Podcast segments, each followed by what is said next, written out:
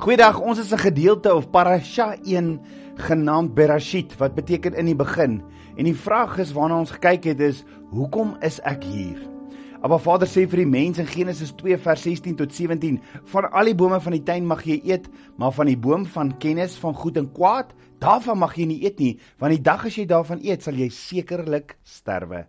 Dan sê Abba Vader vir die mens in Genesis 2 vers 18 tot 20, dit is nie goed dat die mens alleen is nie. Ek sal vir hom 'n hulp maak wat by hom pas. En die Here God het die uit die aarde geformeer al die diere van die veld en al die voëls van die hemel en hulle na die mens gebring om te sien hoe hy hulle sou noem. En net soos die mens al die lewende wesens genoem het, so moes hulle naam wees so het die mens dan name gegee aan al die vee en aan al die voëls van die hemel en aan al die wilde diere van die veld, maar vir die mens het hy geen hulp gevind wat by hom pas nie. So Abba Vader het al die diere na die mens toe gebring en hy het vir hulle name gegee. So kan jy daai autoriteit indink wat die mens in hom gehad het? Kan jy daai wysheid van die mens Adam indink en en en en hoe vol hy was van 'n Vader se glorie in hom. Dit wat Adam gesê het wat die dier se naam was, dit was sy naam en dit sonder internet, sonder Google en sonder om eers in 'n ensiklopedie te, te te gaan kyk. Hoekom was dit belangrik dat Adam vir die diere hulle name gee? Hoekom het Abba Vader daardie verantwoordelikheid vir Adam gegee? Want Abba het gesê hy moet oor hulle regeer. In die King James staan daar God gave him dominion over every creature on earth. So wat Adam die diere name gee, soos wat Adam die diere name gee, sê die woord het Adam vir homself nie 'n helper gekry wat by hom pas nie. En die vraag is, hoekom het Adam ewe skielik iemand anders nodig gehad? Ek meen om saam met Abba Vader te wees was tog perfek.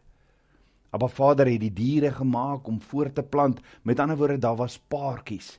En Adam begin soek na iets van sy eie natuur met wie hy kan vereensgewig en hy kry vir homself nie 'n helper wat by hom pas nie. Adam het agtergekom Abba Vader is 'n God van verhouding en Abba Vader is van die begin af Vader, Seun en Heilige Gees. 'n God van verhouding.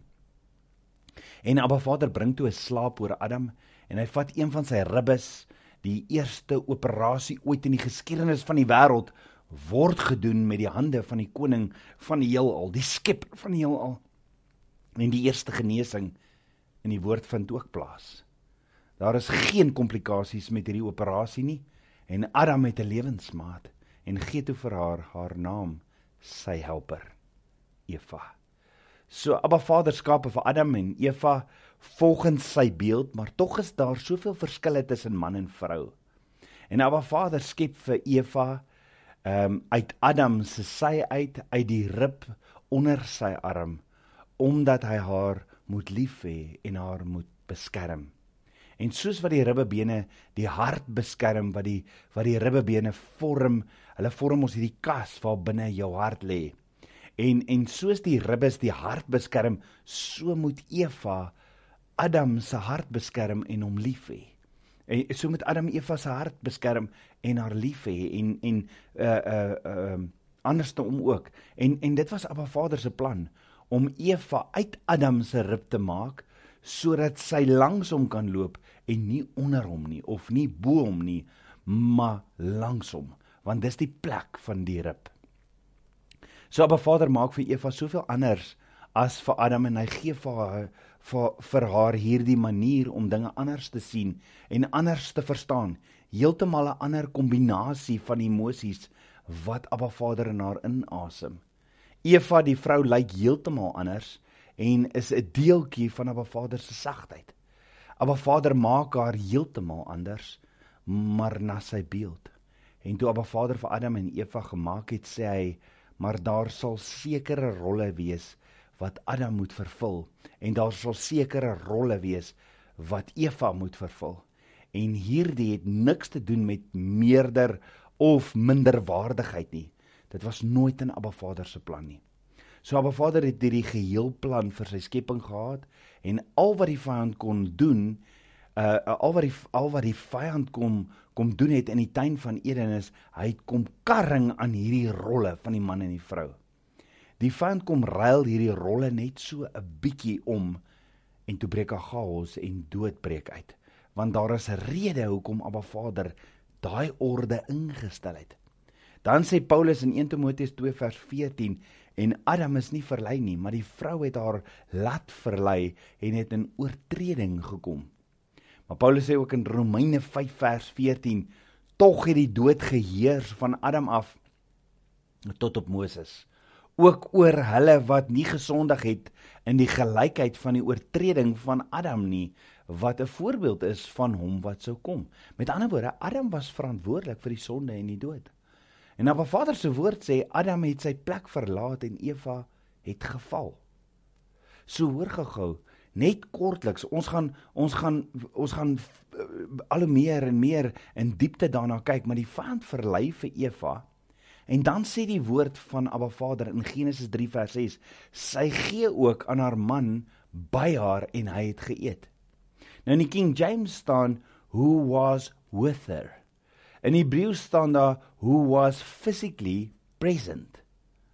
Met ander woorde, toe Eva vir Adam die vrug gee om te eet, het sy nie nodig gehad om om deur hierdie proses van verleiding te gaan en al hierdie wat die slang vir haar gesê het vir hom te sê nie, want hy het dit sommer self by die slang gehoor. Hy was daar.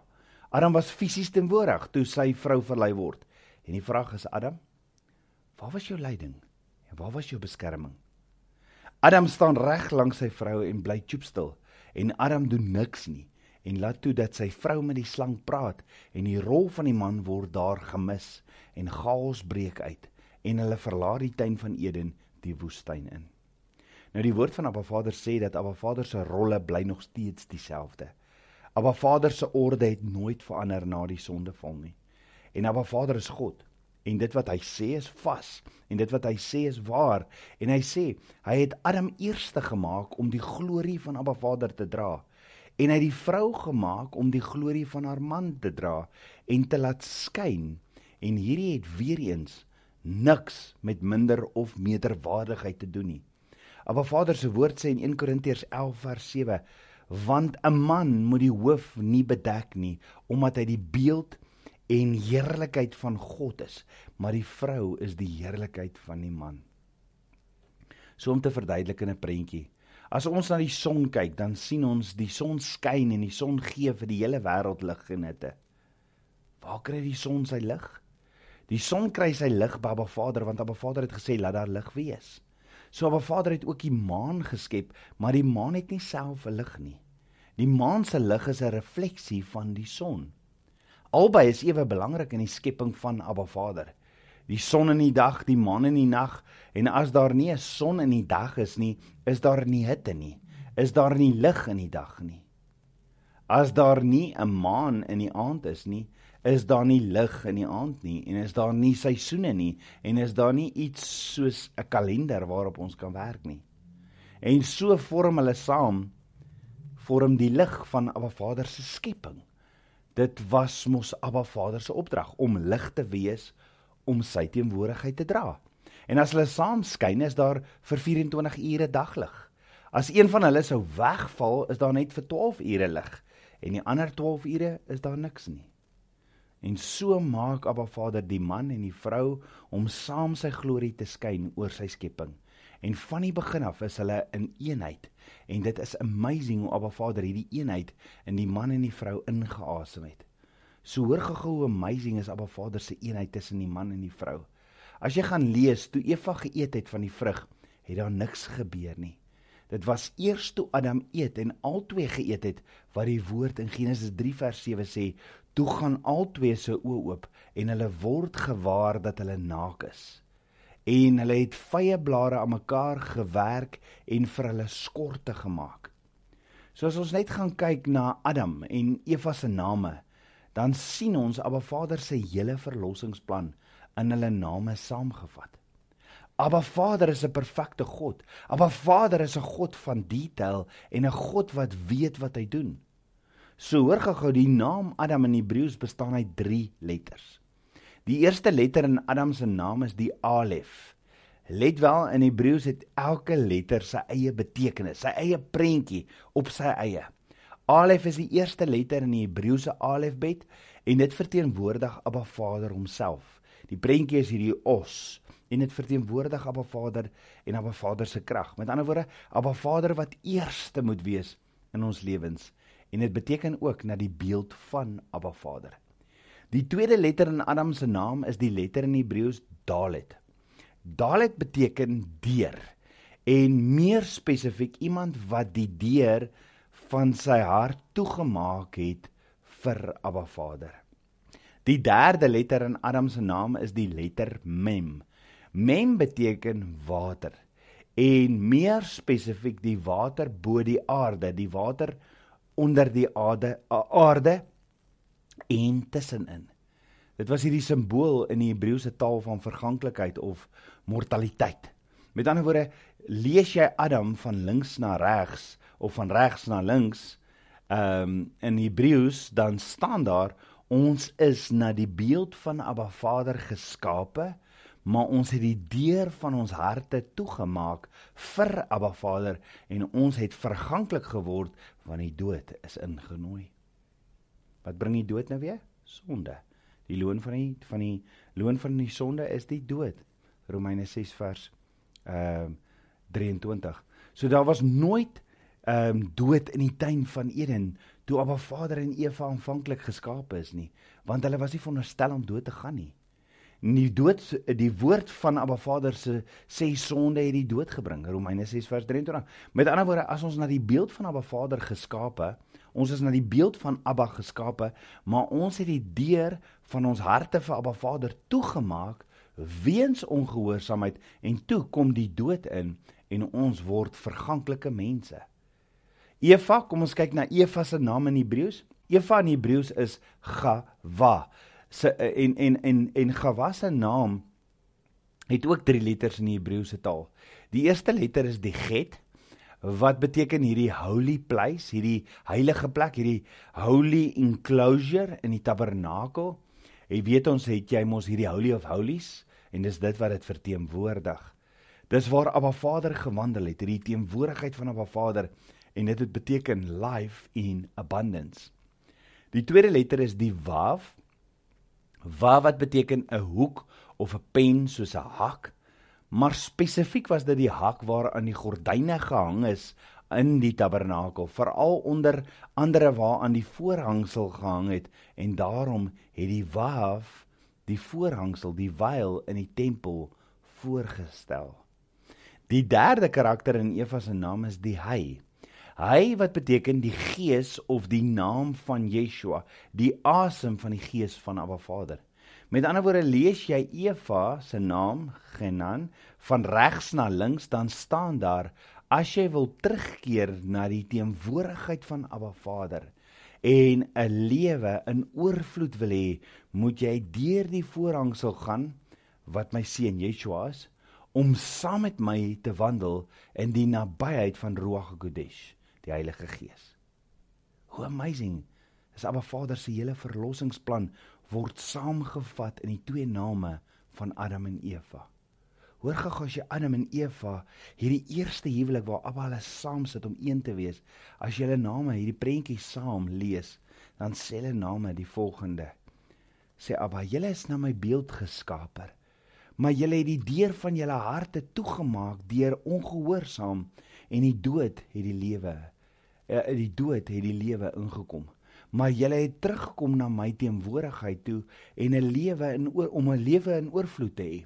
Ewige lewe beerwe as jy deur die voorhangsel sal gaan wat my seun Yeshua is om in die teenwoordigheid van my te wandel in die nabyheid van Ruach HaKodesh die Heilige Gees. Hoor gehou tabernakelskind van Abba Eva se naam as jy dit bymekaar sit verteenwoordig die nabyheid van Ruach HaKodesh die Heilige Gees en dis hoekom die vroue ook hierdie sagtheid het En is dit nie miskien omdat is dit miskien omdat hulle die aanraking van 'n Vader verteenwoordig? Is dit hoekom 'n vrou altyd daai verlange binne in haar het na daai nabyheid? Dis die deel van 'n Vader se verlossingsplan wat Eva moes dra met haar hele wese en dis hoekom die vrou daai begeerte het. Dis die kleed van Abba Vader se sagtheid wat die vrou dra en dis dieselfde nabyheid wat Abba Vader met my en jou wil hê. Dis deel van Abba Vader se verlossingsplan waar hy sê jy kan nie na my toe kom as jy nie hierdie intieme hierdie nabye verhouding met my het nie. En vir enige vrou of dogter van Abba Vader dra daai kleed van die nabyheid. So Abba Vader het jou geroep om elkeen van ons om daai nabyheid te wys vir 'n seer en 'n stikkend wêreld. Abba nooi ons om in te gaan deur Yeshua, die voorhangsel. Kom ons bid saam. Ons almagtige Vader, Papa God, dankie vir u woord. Ja Vader, u woord is so soet soos heuning en ons smag na meer en meer van u waarheid. Vader, u woord is so perfek. En en Vader, u is 'n God wat nie slaap nie, is 'n God wat nie foute maak nie en ons eer U. Dankie, dankie vir U woord. Meer en meer van U waarheid. Vergewe my sondes. Was my spierwit so sneeu en kom leef U droom deur my. Ek bid dit alles in Yeshua, Hamasiach se naam, die seun van Jotai Wawe. Amen. Shalom.